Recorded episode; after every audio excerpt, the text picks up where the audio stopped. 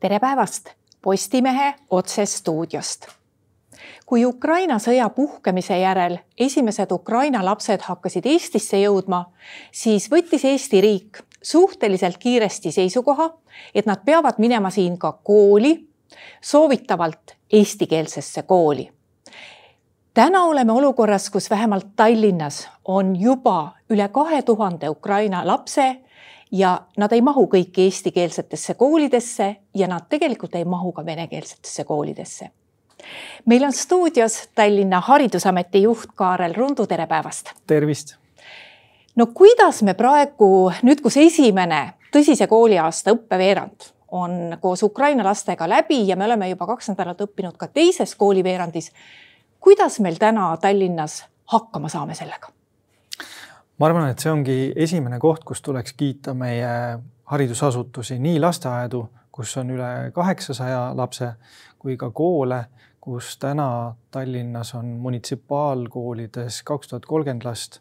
siia juurde tuleb, eks ju, Vabaduse kool oma viiesaja seitsmekümne viie õpilasega ja, ja see solidaarsuspõhimõte, kuidas koolid juba kevadel andsid välja signaalid, et nemad on valmis võtma vastu neid lapsi kes vajavad turvalist õpikeskkonda, eh, kus õpetajad jälle visati nii-öelda vette teatud mõttes ja kus keegi ei teadnud, kui palju neid tegelikult eh, õppeaasta alguses on. ja, ja see, millise innuga on koolid neid õpilasi üritanud integreerida, pakkuda kõige paremat võimalikku haridust, mis tänasel päeval on võimalik selles olukorras, on lihtsalt imetlusväärne ja kui te küsite, et eh, kuidas see õppeaasta on alanud, siis kohtume regulaarselt äh, iga kahe nädala tagant äh, juhtidega ja kõige vahvam sõnum, mis, mis neile minu meelest äh, nad meile tagasi peegeldasid, oli see, et lapsed on lapsed, lastega on kõik hästi. Nad toimetavad, nad on rõõmsad ja nad on ka õpihimulised no kui me vaatame neid variante, et kuidas me siis oleme nad sinna äh, erinevatesse klassidesse integreerinud. et kas siis rohkem on neid, kellele me saame pakkuda omaette sellist Ukraina klassi või rohkem on neid, kus me ikkagi paneme lapse sinnasamasse Eesti laste kõrvale klassi ja ta peab nagu päevapealt või pidi päevapealt üle minema sellesse meie haridussüsteemi mm -hmm. ja ka sellesse meie õppekavasse üle minema juba kevadel, siis kui tegelikult äh, pakkusime sellist kohanemisvõimalust, äh, koolipäeva järgset kohanemisvõimalust, siis väga paljudes koolides tuli signaal äh, Ukraina perede poolt, et nemad eelistavad seda, et lapsed kohe alustavad õppetööd meie kohalike õpilastega koos. Äh, kui me vaatame seda suurusjärku kaks tuhat kolmkümmend, see teeb, kui me lähtume sellest, et kakskümmend neli last klassis, umbes kaheksakümmend viis klassikomplekti valdav osa nendest on ikkagi integreeritud meie õpilastega koos. Eh, nii palju, kui on vabu kohti teatud klassides olemas. nüüd me oleme hetkel jõudmas sinna viimased paar nädalat, eh, kus meil on noh, ka koolidel tekib see kas ruumipuudus või õpetajate puudus hakkab mängima rolli ja on avatud siis kas teises vahetuses, on avatud liitklasse kus siis on tõesti, oleme olnud olukorras, et avada ka eraldi äh, klasse nendele lastele, mis koosnevad ainult Ukraina õpilastest, aga ka nemad õpivad eestikeelse õppe, äh, Eesti õppekava järgi ja Eesti õpetajate käe all õpetajad küll ütlevad teinekord, et on ikkagi päris raske, kui see laps tuleb, ütleme näiteks seitsmendasse klassi, eestikeelsesse matemaatikatundi. noh, kõigepealt see eesti keel, millest ta mitte midagi aru ei saa ja siis muidugi ka matemaatikas. et ega siis ta, ta ei ole nüüd täpselt sama koha pealt, ei alusta õppimist, kus eelmisel aastal seal Ukraina koolis pooleli jäi. et ollakse ju nii-öelda erinevates kohtades selle õppimisega. et eh, kas see on praegu esmatähtis või on noh, saada hakkama selle õppeainega või on esmatähtis ikkagi see, saada üldse eluga hakkama? esmatähtis on saada eluga hakkama, kohaneda, leida sõpru, eh, kellega siis eesti keelt praktiseerida. aga me teame, et meie pedagoogid on väga nõudlikud enda suhtes.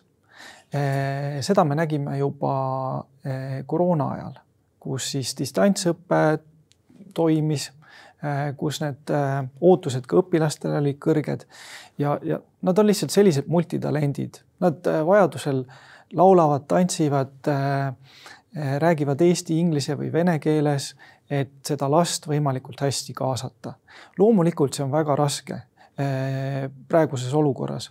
aga me peame mõtlema enda jaoks, et miks me seda teeme. me teeme seda sellepärast, et nendel lastel pakkuda turvalist õpikeskkonda. Ja see on tegelikult kõige tähtsam. No kuigi Eesti riik andis soovituse, et need lapsed peaksid minema valdavalt Eesti koolidesse, siis eh, tegelikult oli ju vanemal ikkagi õigus valida. Kui palju neid on vene koolides, kuuldavasti on vene koolid Tallinnas ikkagi või venekeelse õppekeelega koolid Tallinnas ikkagi puupüsti ka Ukraina lapsi täis? Aus vastus on, et kõik koolid on puupüsti täis, meil ei ole Tallinnas ühtegi lasteaeda ega ühtegi kooli, kus ei oleks ühte, äh, ühtegi Ukraina last. Äh, kevadel oli ka juba tunda, et tegelikult seda külalislahkust äh, nii eesti kui ka venekeelse õppekeelega koolides oli väga palju hakkavad mängima tõesti ruumilised piirid. Meil on väga hea meel, et me saime avada Tallinnas ka Räägu kooli, mis on eh, Lilleküla kooli nii-öelda filiaal, kus toimetatakse väga pühendunult. seal on, eks ju, päris suur arv õpilasi, pea natukene alla neljasaja, aga see, selle väljakutsega toimetulek eeldabki selliseid loovaid lahendusi no paljuski saaksid ju Ukraina lapsed siiski õppida ka oma Ukraina e-koolis, sest eh, ega Ukrainas ka lapsed koolis ei käi eriti, et nad enamasti on ikkagi distantsõppel, sest seal on omad ohud. Eh, seal võib alati juhtuda, et keset koolipäeva tuleb pommitamine ja koolid kuuldavasti ei ole seal väga turvalised, seal ei ole võimalik kusagile varjuda, nad enamasti on e-koolis ja siin on tekkinud küsimus, et miks me siis ei luba nendel lastel Eestis olles käia lihtsalt ainult selles Ukraina e-koolis, aga siin vist hakkavad vahele astuma meie seadused, mis nõuavad, et kõik siin Eestis olevad lapsed, kelle vanemad siin legaalselt olemas on, peaksid käima meie koolis ometi me neid vist taga ei otsi, nii nagu oma lapsi või ma ei tea, kas selleks on üldse võimalust, et kas Tallinna haridusametnikel on võimalik kindlaks teha, kui palju on neid lapsi, kes on siin, Ukraina lapsi, aga kes kooli pole jõudnud, sest kõik vanemad ei ole ju registreeritud. ma ei tea, kas te teete seda? kahjuks jah, meieni väga täpseid andmeid ei jõua. me, need õpilased, meil on ülevaade sellest, nendest õpilastest, kes on määratud koolidesse, aga mingil põhjusel nad hetkel seal ei ole. See suurusjärk on umbes praegu ütleme kolmkümmend õpilast mis õnneks ei ole väga suur. Nendega me toimetame edasi nii, nagu me ükskõik ka enda eh, õpilastega, kohalike õpilastega toimetaksime, sotsiaalpedagoog, lastekaitse ja selline koostöö. Eh, seda suurusjärku, noh, loomulikult äh, võib öelda, et õppeaasta alguses oli sellist ootust äh, Ukraina perede poolt või sellist soovi rohkem, et nende lapsed osaleksid siis kas ainult Ukraina distantsõppel või neid peresid, kes alustasid nii meie e-, koolides kui ka siis äh, pärastlõunal õhtul jätkasid distantsõppel. Aga see, see trend on nagu vähenemas, et on leitud äh, ühine keel koolidega, on suurenenud usaldus meie haridussüsteemi vahel Äh, suhtes. Ja seda ka ju ministeeriumi tasemel, et äh, Haridus-Teadusministeerium ja Ukraina haridusministeerium on ka omavahel pidevas kontaktis ja see signaal, et Eestis omandatud haridust tunnustab Ukraina äh, tulevikus, oli ka, ma arvan, üks selline oluline nüanss selle juures, et pluss me räägime ka vaimsest tervisest ja õpilaste koormustaluvusest et need on ka asjad, mida tuleb arvestada, et äh, me ei koormaks neid üle.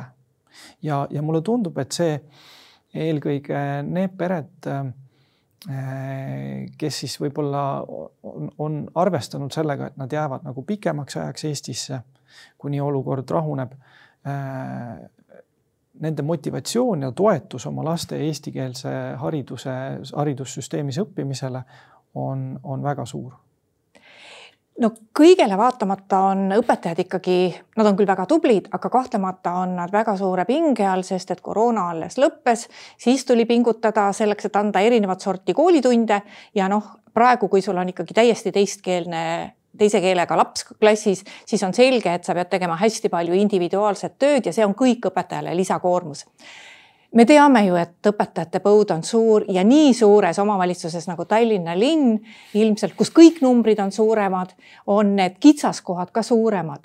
et kui palju sellisel viimasel piiril olekul, nagu praegu ollakse, et õpetajad siiski pingutavad, väga paljud õpetajad tegelikult on juba pensionieas, aga noh, nad on ikkagi koolis edasi, aga selge on ju see, et kui sa töötad niimoodi viimasel piiril, siis see lõpuni ei saa toimida. et kui kaua te niimoodi vastu peate? see on hea küsimus. ma arvan, et see väga palju sõltub ka kooli kultuurist, märkamisest, üksteise hoolimisest ja sellest, mida me saame pakkuda. et äh, teil on absoluutselt õigus, et tegelikult ju iga õpet-, õpilane on meil haridusliku erivajadusega.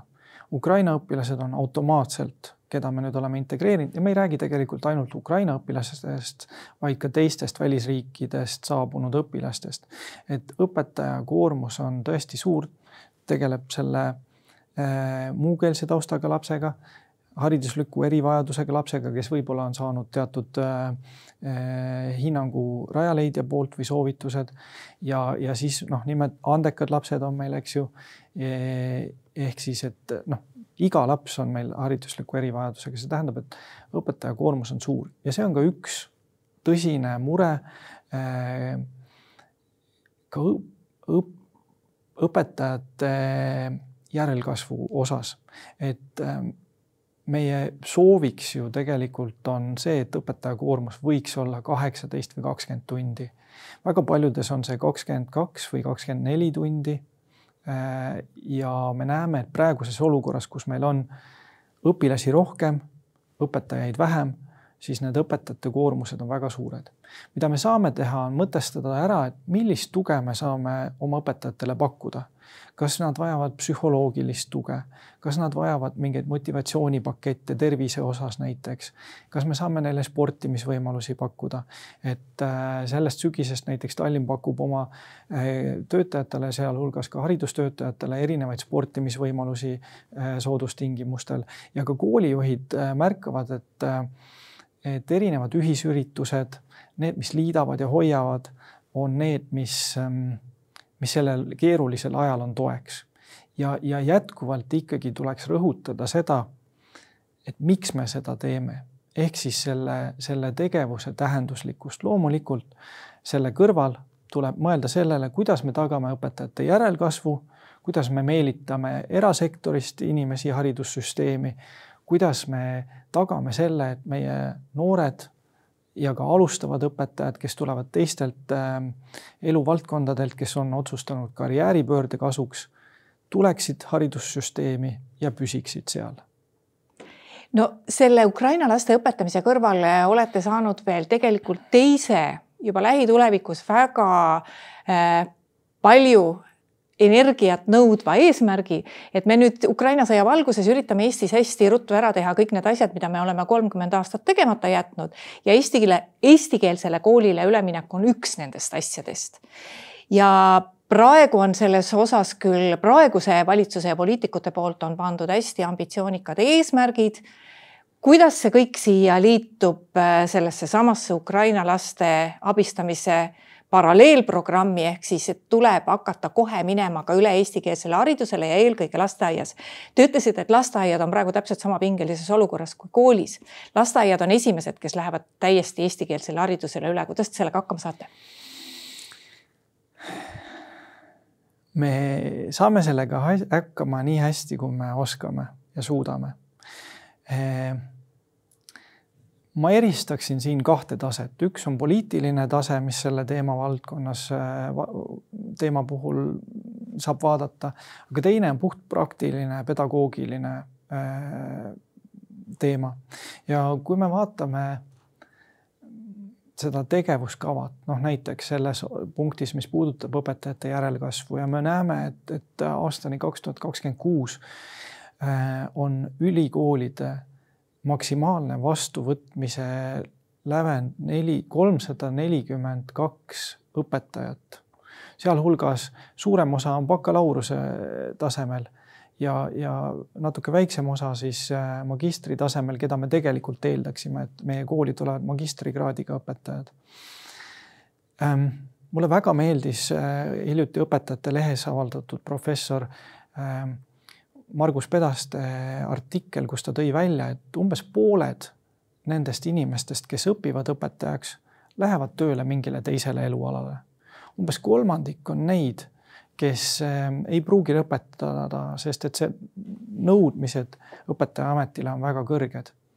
ja, ja tema pakkus siis välja, et igal aastal selleks, et me saaksime sellist olukorda üldse lahendada, peaksime me tagama tuhat, tuhat üheksasada viiskümmend kuus õpetaja kohta igal aastal.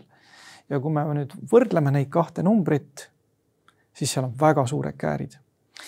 ma arvan, et see, mis me saame praegu teha, on eelkõige koolitada oma õpetajaid, pakkuda neile vajalikke õppematerjale, metoodikaid. Tallinn on väga pikalt pakkunud õpetajatele täiendavat keeleõpet. meil on ka sel aastal Äh, nüüd alustamas jälle peaaegu sada viiskümmend õpetajat ja sama palju on veel ootel. ehk siis äh, ühest küljest võib öelda, et õpetajad on jätkuvalt õppimisvõimelised ja õpihimulised, aga loomulikult on ka neid, kes vaatavad seda, et ma olen juba pensionil või ma kohe lähen pensionile. miks ma pean seda tegema? kui seda saadavad ka teatavas mõttes ähvardused et me tuleme sulle klassi, vaatame, mis sa seal teed. et kindlasti see on see, mis pärsib ka seda motivatsiooni. et mina arvan, et, et seda annab teha pigem jõustamise, nõustamise ja toe abil, mitte sellise äh, jah, ikkagi teatavas mõttes äh, äh, trahvide ja ähvardustega kui palju seda annab teha rahaga, et õpetajate palk küll mõneti tõuseb, ja noh, on ju teada, et äh, nii mitmeski omavalitsuses, kellel on võimalik, makstakse õpetajatele veelgi raha juurde, et äh, tubli õpetaja võib tegelikult, nagu ma olen kuulnud, küsida päris palju palka. kui omavalitsusel on võimalik ja ta peab vajalikuks, et ta teisiti seda spetsialisti ei saa, siis ta maksab. kui palju on Tallinnal võimalusi maksta õpetajatele juurde? kas Tallinn maksab midagi rohkem õpetajatele? Ammendavad vastuseid mul ei ole, sest et äh, eelarve läbirääkimised järgmise aasta osas kestavad, käivad hetkel.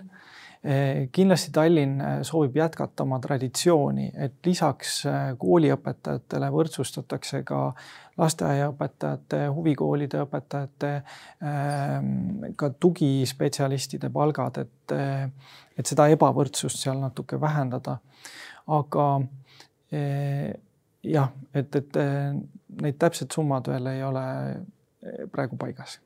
Kuidas te tulevat aastat üleüldse saate prognoosida, sest meil on ju nende ukrainlaste osas, aga see tähendab ka, et Ukraina laste osas selline suhteliselt suur teadmatus, et mingite prognooside järgi, kui elu läheb Ukrainas eh, mitte ainult tänu sõjale, vaid tänu nendele elektrikatkestustele ja kõigele muule veel, veel halvemaks. prognoositakse, et Eestisse võib tulla täiendav hulk põgenikke, mis toob kaasa ka suure hulga lapsi. et kuidas te üldse saate tuleva aasta Tallinna koolivõrku plaanida ja, ja seda, kui palju on klassikomplekte, seda, kui on palju on vaja juurde õpetajaid, kui me elame sellises täiesti segases seisus, et sellest kahe tuhandest või natuke rohkemast Ukraina lapsest võib järgmisel aastal saada äkki neli tuhat Ukraina last absoluutselt õigus ja, ja eks me siin võtamegi äh, kuu kaupa, nädala kaupa ja vaatame, kuhu me kevadeks äh, tegelikult välja jõuame, sest et seda määramatut infot on väga-väga palju, prognoose erinevaid on ju ka väga palju. Äh, me näeme seda, et Ukraina perede tõsine soov on naasta esimesel võimalusel oma kodumaale. ja teisest küljest me näeme ka seda, et tegelikult praegune olukord on mõnevõrra seganud kaardid eh, ringi Tallinna haridusvõrgus. et ähm, mõlemas mõttes, nii heas kui halvas mõttes teatud mõttes. aga, aga see on prognoosimatu. et äh, mida me saame teha, on paluda oma kolleege hariduses näidata, välja tuua, reklaamida haridustöö kõige positiivsemaid külgi, et meelitada juurde inimesi, kes sooviksid ennast teostada just haridusvaldkonnas. see on üks asi, mis me saame teha, see on üks asi, mis me plaanime teha ja siin kõrval toetada õpetajaid erinevate olgu selleks siis parimate praktikate jagamine. Ähm, meil on väga hea koostöö Tallinna Õpetajate Majaga, kes praegu ongi võtnud fookuseks, kuidas äh, pakkuda õpetajatele, aineõpetajatele neid koolitusi. Äh, kuidas ma toetan seda last, kui ma olengi näiteks seal kaheksanda klassi geograafiaõpetaja või, või ka ütleme tugispetsialistidele, et kuidas ma toetan neid lapsi, kes võib-olla, kelle jaoks see õppimine on, on juba teise või kolmandajärguline, sest et tal on muud mured, millega tuleb praegu tegeleda kui palju te võite venekeelsetes koolides kaotada õpetajaid veel enne seda, kui need koolid ise ära kaovad? ainuüksi seetõttu, et äh, õpetaja ei vasta sellele eesti keele nõudele, et meil siin üks koolidirektor nüüd lahkus, kellest, kes oli hästi tuntud ja kellest oli hästi palju kirjutatud. aga et kui suureks probleemiks võib saada see, et et, et kas meil üldse omame ülevaadet, kui palju võiks Tallinnas olla selliseid, selliseid õpetajaid vene koolides, kes, kelle, kes üldse ei valda eesti keelt ja kes tõenäoliselt nendele reeglitele, mis on ikkagi õpetaja kohta kehtestatud, ei vasta mingil moel? hetkel me saame öelda, et, et meil on seitsesada üks õpetajat, kes, kelle puhul me soovime seda keeletaset tõsta